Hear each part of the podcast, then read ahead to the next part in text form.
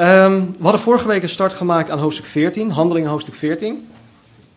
En in dat gedeelte zagen wij Barnabas en Paulus ehm, de mensen in de synagoge in Iconium ja, heel overtuigend toespreken.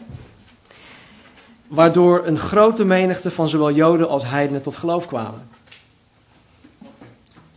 Dus niet alleen hun overtuigende manier van toespreken, maar het was natuurlijk ook de Heilige Geest die door hen heen sprak, die de mensen overtuigde. Maar we keken heel specifiek naar de manier van en het woord kwam ook heel overtuigend over. Nou, we zagen tegelijkertijd ook dat, uh, dat er Joden bij waren, met, met name de Joodse leiders, die zich niet lieten overtuigen.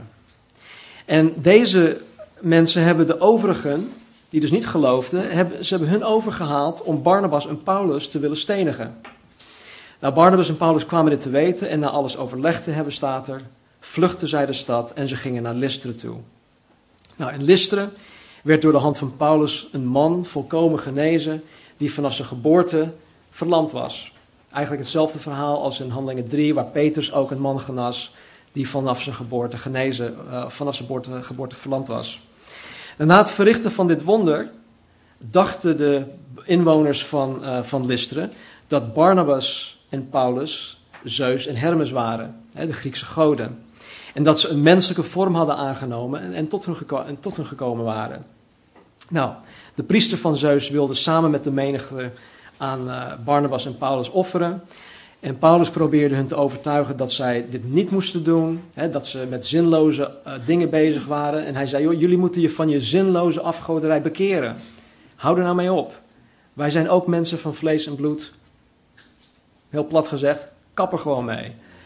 Maar dat is niet, niet echt gelukt. We zagen Paulus en hij is, hij is hier meester in. Hij past zich aan aan de situatie waarin hij zich bevindt.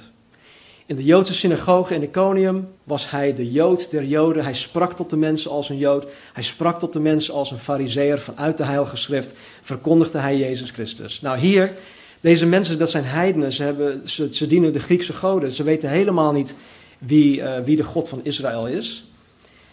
Dus hij haakt in op, een ander, op hun godsbesef. En ze geloofden wel dat, dat er een God was die alles ooit um, ge, geschapen heeft. Maar hij was niet persoonlijk te kennen. Dus hij haakt in op hun godsbesef en hij zegt: Oké, ik heb het nu over Jezus, de schepper van hemel, aarde, de zee en alles wat daarin is. En zo probeert hij hun dan op, op, ja, op, op hun niveau, in hun taal te bereiken en te benaderen. Nou, en dan staat er in vers 18. En door dit te zeggen, eigenlijk wat hij dus uh, verkondigde, konden zij de menigte er maar nauwelijks van weerhouden aan hen te offeren. Nou, vanmorgen pakken we het op bij vers 19 en dan maken we het hoofdstuk ook af. Het laatste vers, uh, hoofdstuk, 9, nee, sorry, hoofdstuk 14, vers 19 lezen. Dus ze waren in Listeren. De man werd genezen. Ze dachten dat zij Zeus en Hermes waren. Hij zegt: Bekeer jullie. Ze willen offeren. En nu, nu staat er: Er kwamen Joden uit Antiochië en Iconium. die de menigten overtuigden. En zij stenigden Paulus en sleepten hem de stad uit. Omdat zij dachten dat hij dood was.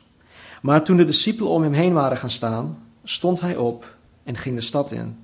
En de volgende dag vertrok hij met Barnabas naar Derbe.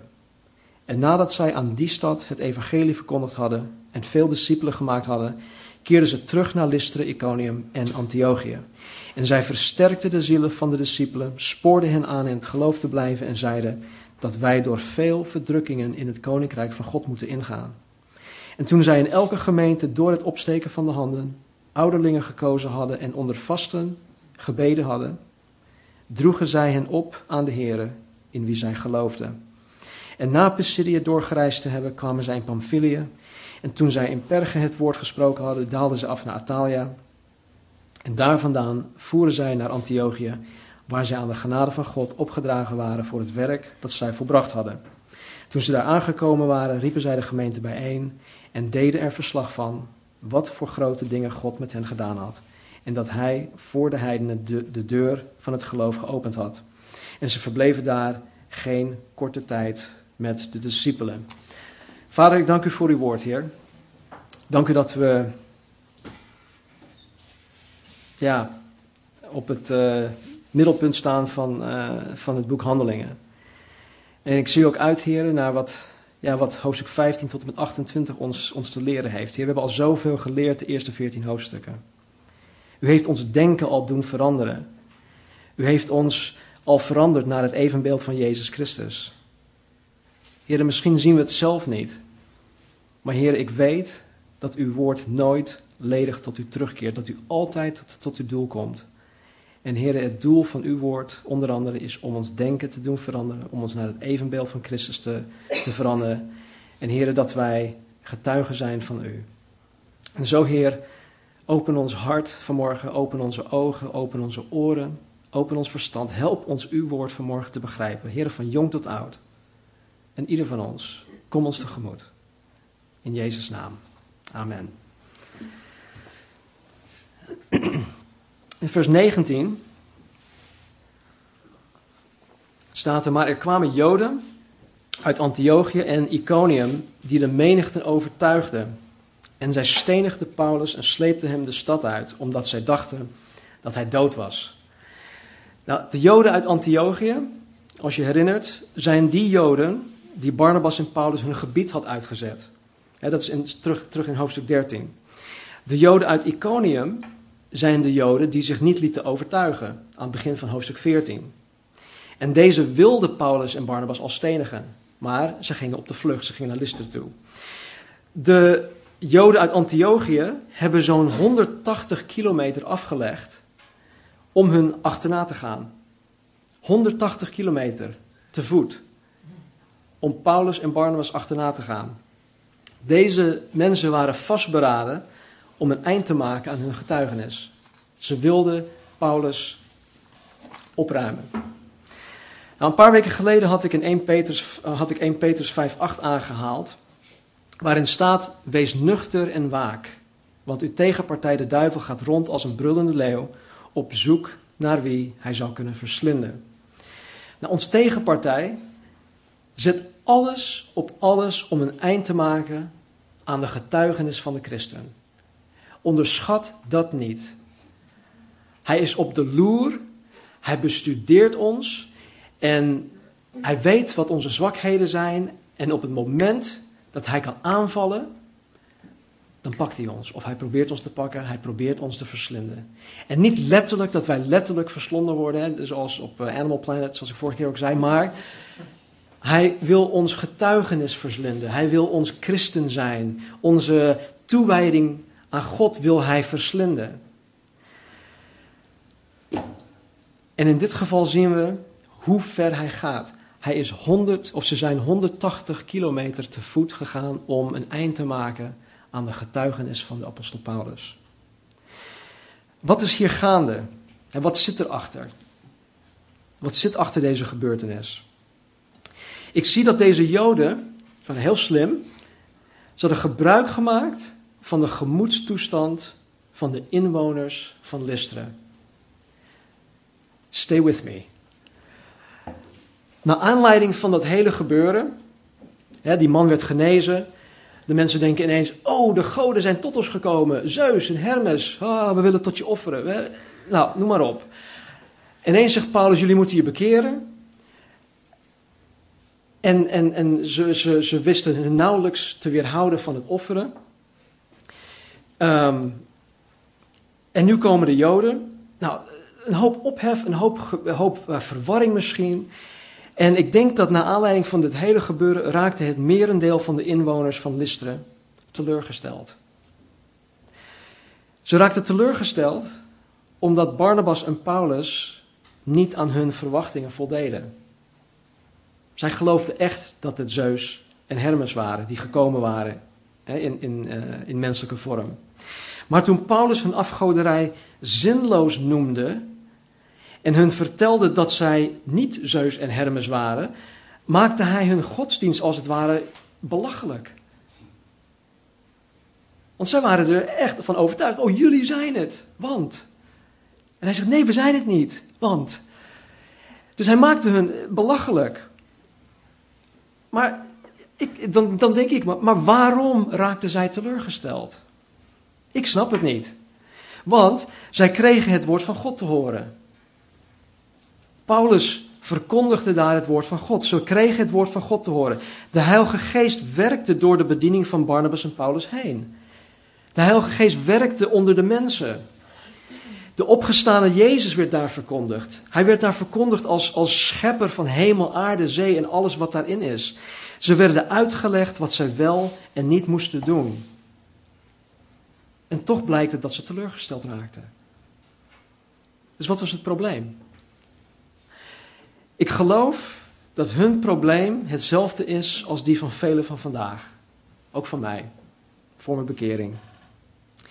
Deze mensen hadden hun eigen voorstelling van hoe zij hun leven wilden invullen.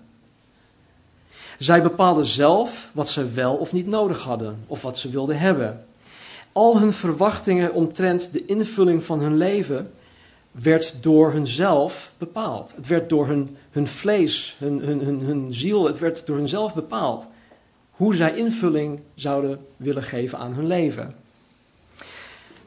Wanneer het woord van Christus, zoals er staat in Colossense, niet rijkelijk in mij woont, wanneer het woord van God, uh, wanneer, of wanneer ik het woord van God niet gehoorzaam, dan ben ik vatbaar voor teleurstelling.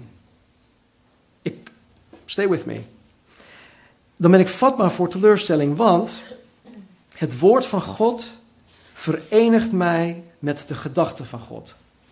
Het woord van God brengt mij in harmonie met het hart van God. Het woord van God geeft mij een eeuwig perspectief. Het laat mij zien tot in de eeuwigheid. Ik hou me niet zozeer meer bezig met de tijdelijke aard van dit bestaan. Dat doet het woord van God in mij als ik het toe-eigen en accepteer en als ik het mijn eigen maak. Colossense, Paulus zegt ook, bedenk de dingen die boven zijn, niet de dingen die hier beneden zijn. Dus wanneer het woord toegang krijgt tot mijn hart, dan verandert mijn denken, het verandert mijn blik. Ik hou me niet zozeer meer bezig met de, de tijdelijke dingen van, van, van deze aarde, maar ik houd me met geestelijke dingen bezig, ik houd me met eeuwige dingen bezig. En dat doet het woord van God. En zo het woord van God bepaalt dan ook mijn verwachtingen. Het woord van God bepaalt mijn verwachtingen. Wanneer ik het, het woord van God negeer, dan blijf ik in mijn verwachtingen hè, over hoe ik mijn leven invullen, over hoe ik mijn leven wil invullen. Ik, ik, ik, ik blijf dat baseren op wat ik zelf wil. Dus als ik het woord negeer, dan blijf ik voortgaan op datgene wat ik wil. Op datgene wat ik denk dat ik nodig heb. En als ik niet krijg wat ik wil, als mijn leven niet verloopt zoals ik het heb voorgesteld, als ik mezelf vastklamp aan mijn eigen opvatting over hoe God met mij moet omgaan, dan zal ik uiteindelijk zeer, zeer teleurgesteld raken. Gegarandeerd. Ik ben opa geworden. Mensen, het is 100% niet gegaan zoals ik het had voorgesteld. Maar God heeft het gebruikt. God heeft het op een hele bovennatuurlijke wijze gebruikt om mijn hart te doen veranderen, om Ashley's hart te doen veranderen. En het, we zitten nog steeds midden in dat proces. En ik heb ja, mijn verwachting van hè, huisje, boompje, beestje. Uh, mijn dochters die gaan allemaal eerst trouwen zoals het hoort. Dan pas krijgen ze kinderen zoals het hoort. Die verwachting heb ik wel gebaseerd op Gods woord. Ik heb het wel gebaseerd op wat ik denk, nou dat hoort zo te gaan. Want zo leert God mij dat ook. Maar het is heel anders gegaan. En ik kan, ik, ik kan teleurgesteld zijn. Ik kan teleurgesteld raken door, door deze situatie. Maar weet je, God heeft mij losgemaakt. Hij heeft mij vrijgemaakt van, van maar een, ja, welke vorm van teleurstelling dan ook. Maar hij heeft het gedaan door zijn woord. Want door zijn woord ben ik ook te weten gekomen dat zijn liefde dat zijn genade, dat zijn vergeving, dat zijn um, um, what's um, restoration, herstel, dat dat voorop staat. Dat staat ver boven alles.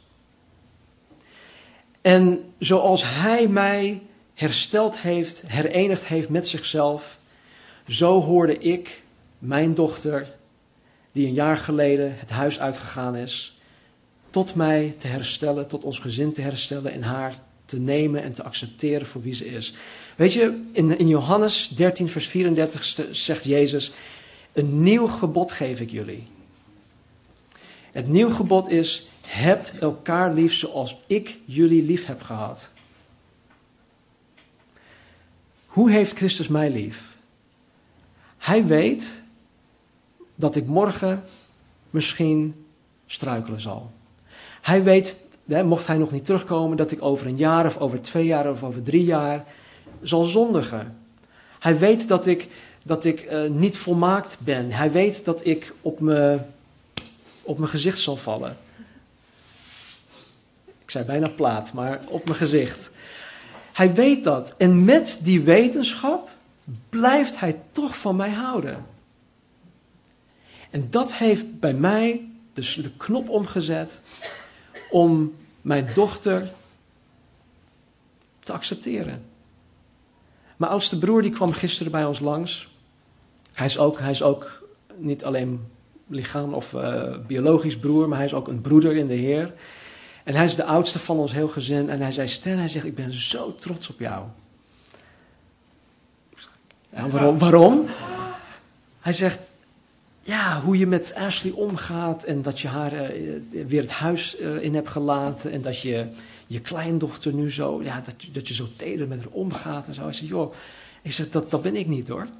Ik zeg, het is, en ik zeg, het is 100% God. Het is allemaal genade. Ik heb Gods, door, door, door Ashley's leven heen heb ik Gods genade alleen maar beter leren kennen. Het is alleen maar groter geworden. Nou, wanneer ik teleurgesteld raak in mijn omstandigheden, wanneer ik teleurgesteld raak in God, dan ben ik een makkelijke prooi voor de duivel dan ben ik een hele makkelijke prooi voor de duivel. En zo waren de bewoners van Lystra een makkelijke prooi voor deze Joden die inhaakten op hun teleurstelling. En ze wisten hierdoor de menigte te overtuigen om Paulus te stenigen. Om het getuigenis van Paulus te doven. Om hem te doden. Vers 20. Maar toen de discipelen om hem heen waren gaan staan, stond hij op en ging de stad in. En de volgende dag vertrok hij met Barnabas naar Derbe. Nou, Paulus werd de stad uitgesleept, hè, omdat ze dachten dat hij, hij dood was. Nou, of hij daadwerkelijk dood was of niet, staat hier niet. Wat we wel zien, is dat de discipelen om hem heen gingen staan. En ongetwijfeld hadden ze de Heer aangeroepen van, oh Heer, Paulus, onze broer, kijk wat er is gebeurd. Heer, wees hem genadig. En wat gebeurt er? Paulus staat op en hij gaat dezelfde stad weer in waar hij gestenigd werd.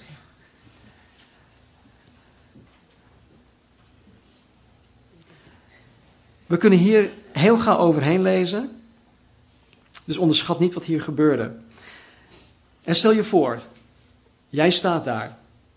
Je wordt omsingeld door een menigte, en niet een menigte van lieve mensen, nee, zeg maar hooligans. Je wordt omsingeld door hooligans en ze gooien allemaal stenen. En ik weet ook niet hoe groot die stenen zijn geweest. Maar mensen, ik, ik ben ooit, ik ben niet gestenigd, maar ik heb ooit wel een steen tegen me aangekregen. Het doet, doet, het doet zeer. En hij is daar, hij werd daar gestenigd. Het, het is een gruwelijke en vrede manier om iemand te doden.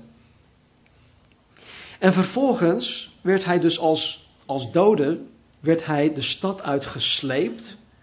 Ik denk niet dat hij in een, in een ja, brancard of in een uh, ambulance werd, werd afgevoerd of zo, maar hij werd gewoon gesleept. En dan gebeurt het. Paulus staat op. En hij gaat niet op de vlucht, maar hij keert terug en gaat de stad Lystra weer in. En de volgende dag gaat hij te voet naar Derbe. En dat is zo'n 90 kilometer daar vandaan. Nou weet je, als ik een avond naar de sportschool ben geweest, dan zie je me de volgende dag heus niet naar, eh, naar het dorp of naar het centrum lopen hoor. En hier heb je Paulus gestenigd, de volgende dag te voet 90 kilometer naar Derbe. Paulus was niet te stoppen. Hij was niet te stoppen. En niet alleen omdat de Heilige Geest hem in alle dingen tegemoet kwam, maar hij zelf, Paulus als persoon, zijn overtuiging van wie hij is en waar, waartoe hij was geroepen. Hij zelf was vastberaden om door te zetten. Hij was een doorzetter. Hij gaf niet op. Hij, hij zette door om de wedloop af te maken. Om tot zijn volle potentie te komen. Om tot zijn volle potentieel te komen. Hij wilde alles worden waartoe God hem geroepen had. Nou, niet om weg te nemen van het wonder van Paulus, hè, die als het ware uit de dood is opgestaan, maar ik zie in dit vers nog iets mooiers. Nog iets mooiers dan het wonder van Paulus. Er staat, toen de discipelen om hem heen waren gaan staan. Ondanks alles, ondanks alles waren er toch nog mensen tot geloof gekomen.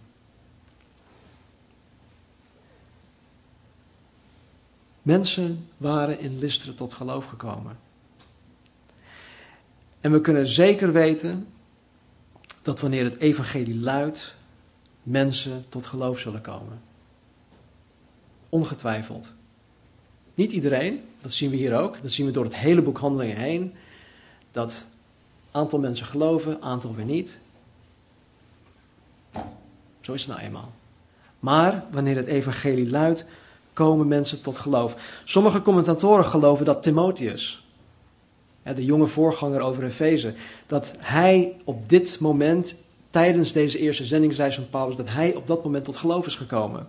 Ze, ze, ze, denken ook dat hij die nacht bij Timotheus bleef overnachten. Goed, dat is buiten Bijbels informatie. Vers 21.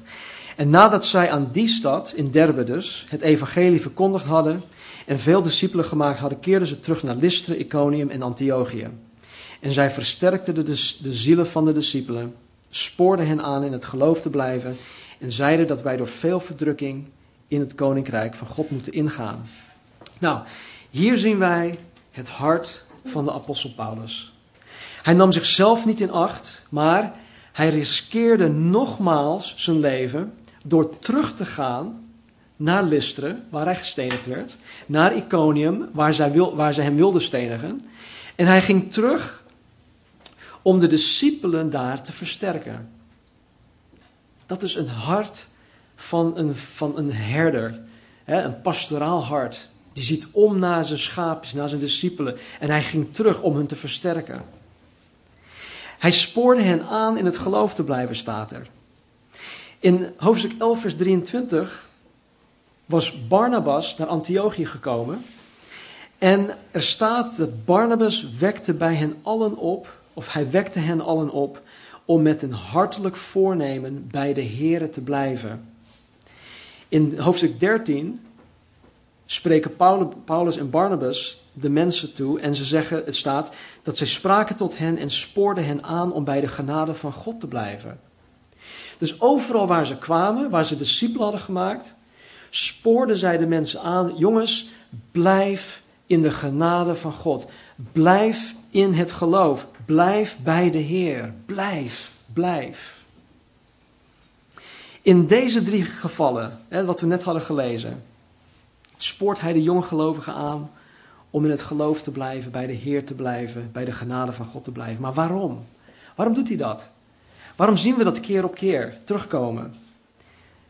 Omdat het zo makkelijk is om ons eigen weg te gaan. Het is heel makkelijk om God even de rug toe te keren en je eigen weg weer te gaan. Dus Paulus spoort hen aan, hij spoort ons ook aan Omdat het zo makkelijk is om ons eigen ding te doen. Weet je, we zeggen vaak dat ons vlees zwak is. En dat staat ook in de Bijbel. De geest is uh, willing, gewillig, maar het vlees is zwak. Nou, ik heb onlangs ontdekt dat mijn vlees, ja, het is zwak, maar mijn vlees is heel sterk. Mijn vlees is juist heel sterk. Het is sterk en het wil mijn leven beheersen. Mijn vlees wil mijn christelijk leven beheersen. Mijn vlees is in, continu in opstand tegen de dingen van de Heilige Geest. En continu wil mijn vlees de kop opsteken om mijn christelijk leven te ondermijnen. Dus ja, ik geloof dat mijn vlees zwak is, maar ik geloof ook dat mijn vlees heel sterk is. Vandaar dat ik continu de aansporing nodig heb om in het geloof te blijven. Omdat ik ja, zo makkelijk af kan dwalen. Ik heb continu de aansporing nodig om bij de Heer te blijven, om bij de genade van God te blijven. Nou, Paulus zegt dat, um, dat wij door veel verdrukkingen in het koninkrijk van God moeten ingaan. Dit is geen populaire boodschap. Dit is niet wat wij de welvaartspredikers horen brengen. Dat wij door veel verdrukkingen in het koninkrijk van God moeten ingaan. Maar de Bijbel leert ons dit. Dit is bijbels. De Bijbel leert ons dit.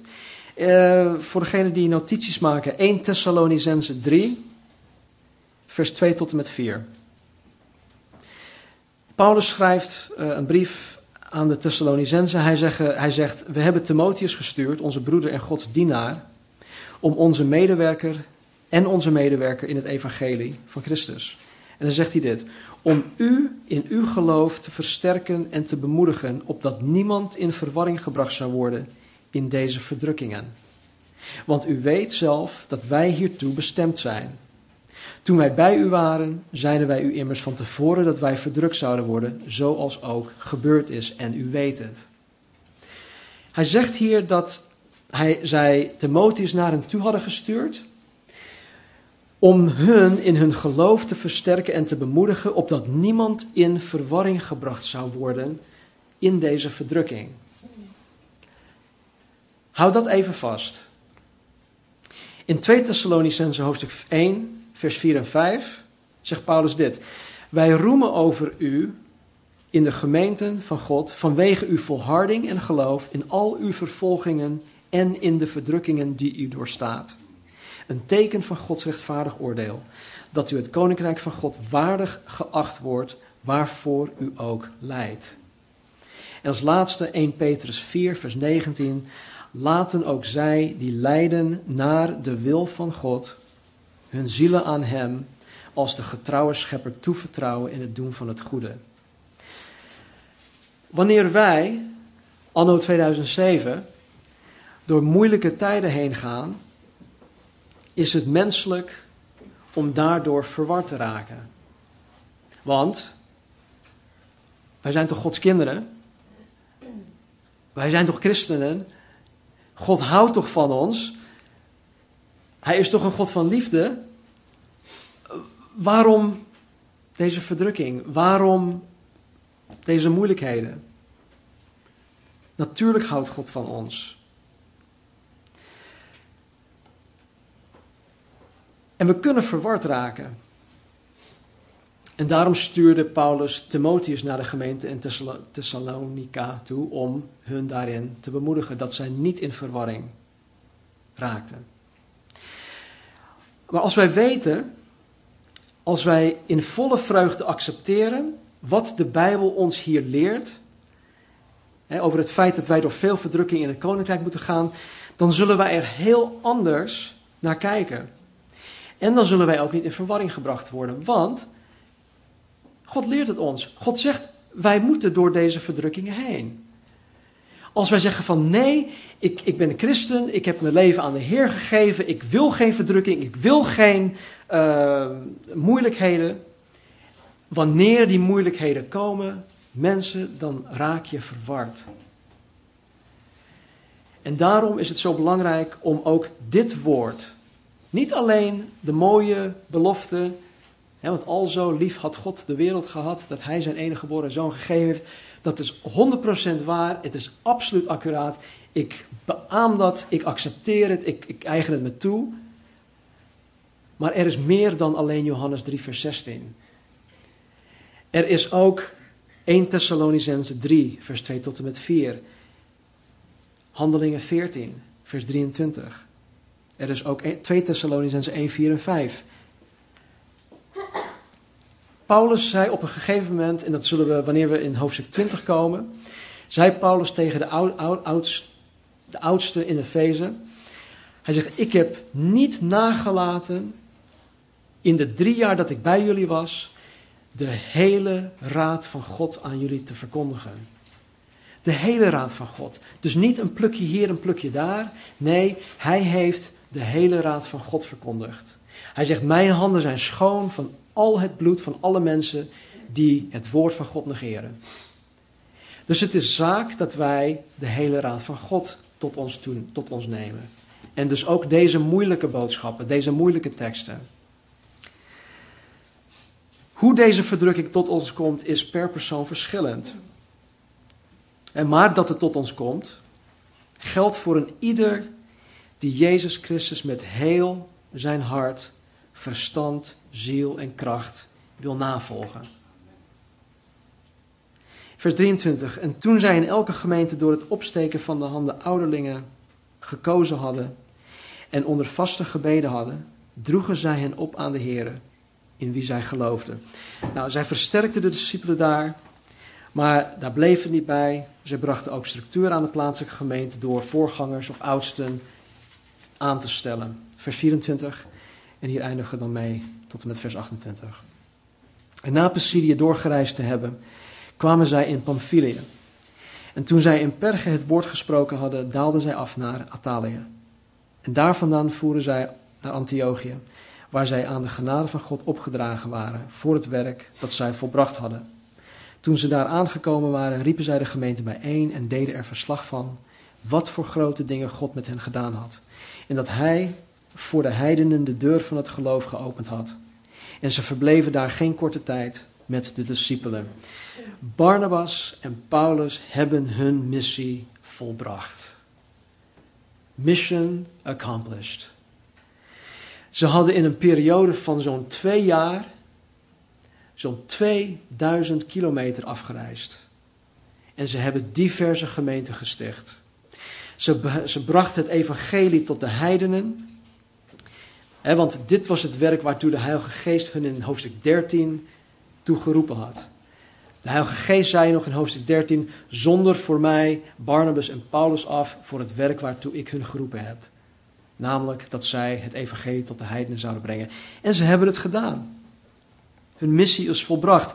En nu zijn ze terug op hun thuisbasis in Antiochië. En ze vertellen over wat voor grote dingen God met hen gedaan had. Nou, wat mij hier opvalt, is dat de nadruk van datgene zij vertellen. Eh, eh, de nadruk ligt op de grote dingen die God met hen gedaan had. Er staat niet dat zij vertelde over alle tegenstand. Er staat niet dat zij vertellen over alle moeilijkheden die ze, die ze hadden. De kou. Slapeloze nachten. Dat vertelt hij wel in, in, de, in, de, in 1 Korinthe, maar in een hele andere context.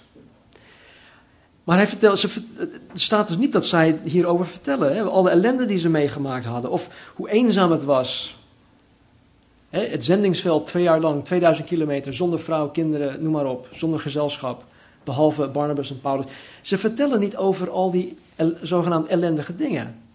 Ze vertellen alleen maar over de grote dingen die God gedaan had.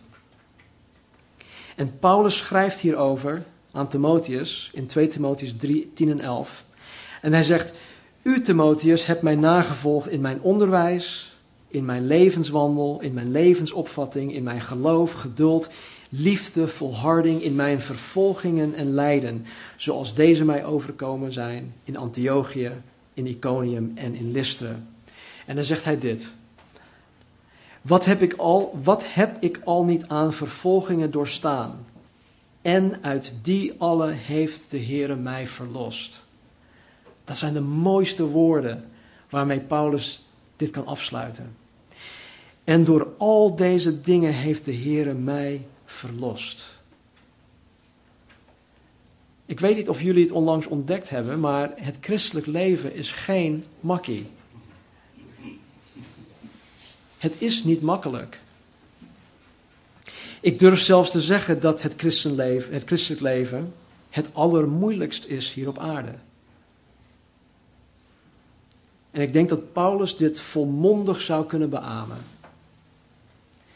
Maar Jezus is bij machten om mij te verlossen van alles dat ik tegen zal komen. En wanneer ik volkomen toegewijd ben aan Jezus, dan zal ik alleen nog maar focussen op de grote dingen die God met mij aan het doen is. Dan zullen alle andere dingen, hoe moeilijk en hoe lastig ze ook kunnen zijn, vervagen door de glorie van de Heer. Het staat er en ik heb het zelf ook mogen ontdekken. God is getrouw. Hij is iemand waarop wij kunnen bouwen, waarop wij kunnen vertrouwen. Als Hij iets zegt, dan is het zo. Als Hij iets belooft, dan doet Hij het. En Hij wil zo graag dat een ieder van ons volkomen toegewijd zijn aan Hem, want dan kan Hij zichzelf sterk tonen aan ons, aan degenen die Hem volkomen toegewijd zijn. Dus hoe dichter we ons tot Hem brengen, hoe dichter we naar, ons, naar Hem toe trekken, hoe meer Hij zichzelf aan ons zal openbaren. En dat is dat, dat lied van Juich voor de Heer. Niets is zo goed als een leven heel dicht bij U. Dat staat daar ook niet voor niets. Niets is zo goed als een leven heel dicht bij Jezus. Dus wat dreef Paulus? Wat was zijn drijfveer? Waarom was hij niet te stoppen? Wat was zijn, zijn, zijn sleutel? Wat was de, de, de, de secret?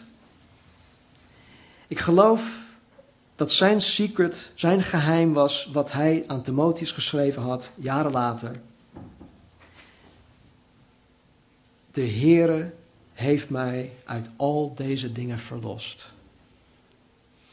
De Heere heeft mij verlost. Hij is onze verlosser. Laten we bidden. Heer, ik dank u voor het verlossend werk aan het kruis. Heer, dat u uw bloed gegeven heeft. Heer, voor mij. Maar niet alleen voor mij, Heer, voor een ieder in deze kamer.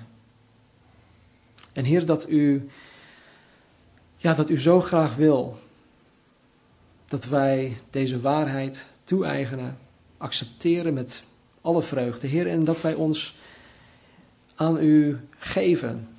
Dat we uw woord toe-eigenen, dat we uw woord bestuderen, dat we het ons eigen maken, dat het woord van Christus rijkelijk in ons woont. Heren, dat wij ja, onze verwachtingen niet zozeer bepalen uh, of baseren op wat wij denken of wat wij vinden of wat wij willen. Maar Heer, dat wij ons, onze verwachtingen baseren op uw woord. Hoe u het aan ons openbaart.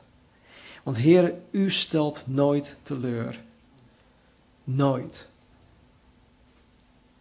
Heer, mensen stellen ons teleur. We stellen onszelf ook teleur. Omstandigheden stellen ons teleur. Heer, onze eigen verwachtingen. Maar Heer, u nooit. En zo, Heer, mocht er iemand zijn, Heer, dus vanmorgen die zo teleurgesteld is, Heer, in, of in mensen, of in omstandigheden. Heer, of zelfs teleurgesteld in u. Heer, help deze persoon of deze personen om hun ogen te richten op Jezus, Heer, want u stelt nooit teleur. Help ons, Heer, en laat ons ook beseffen dat u onze verlosser bent, dat u ons uit alle narigheid verlost.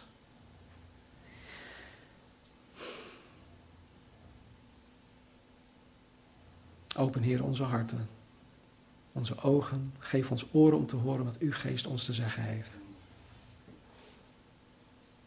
Trek ons dichter naar u toe. In Jezus' naam. Amen. Amen.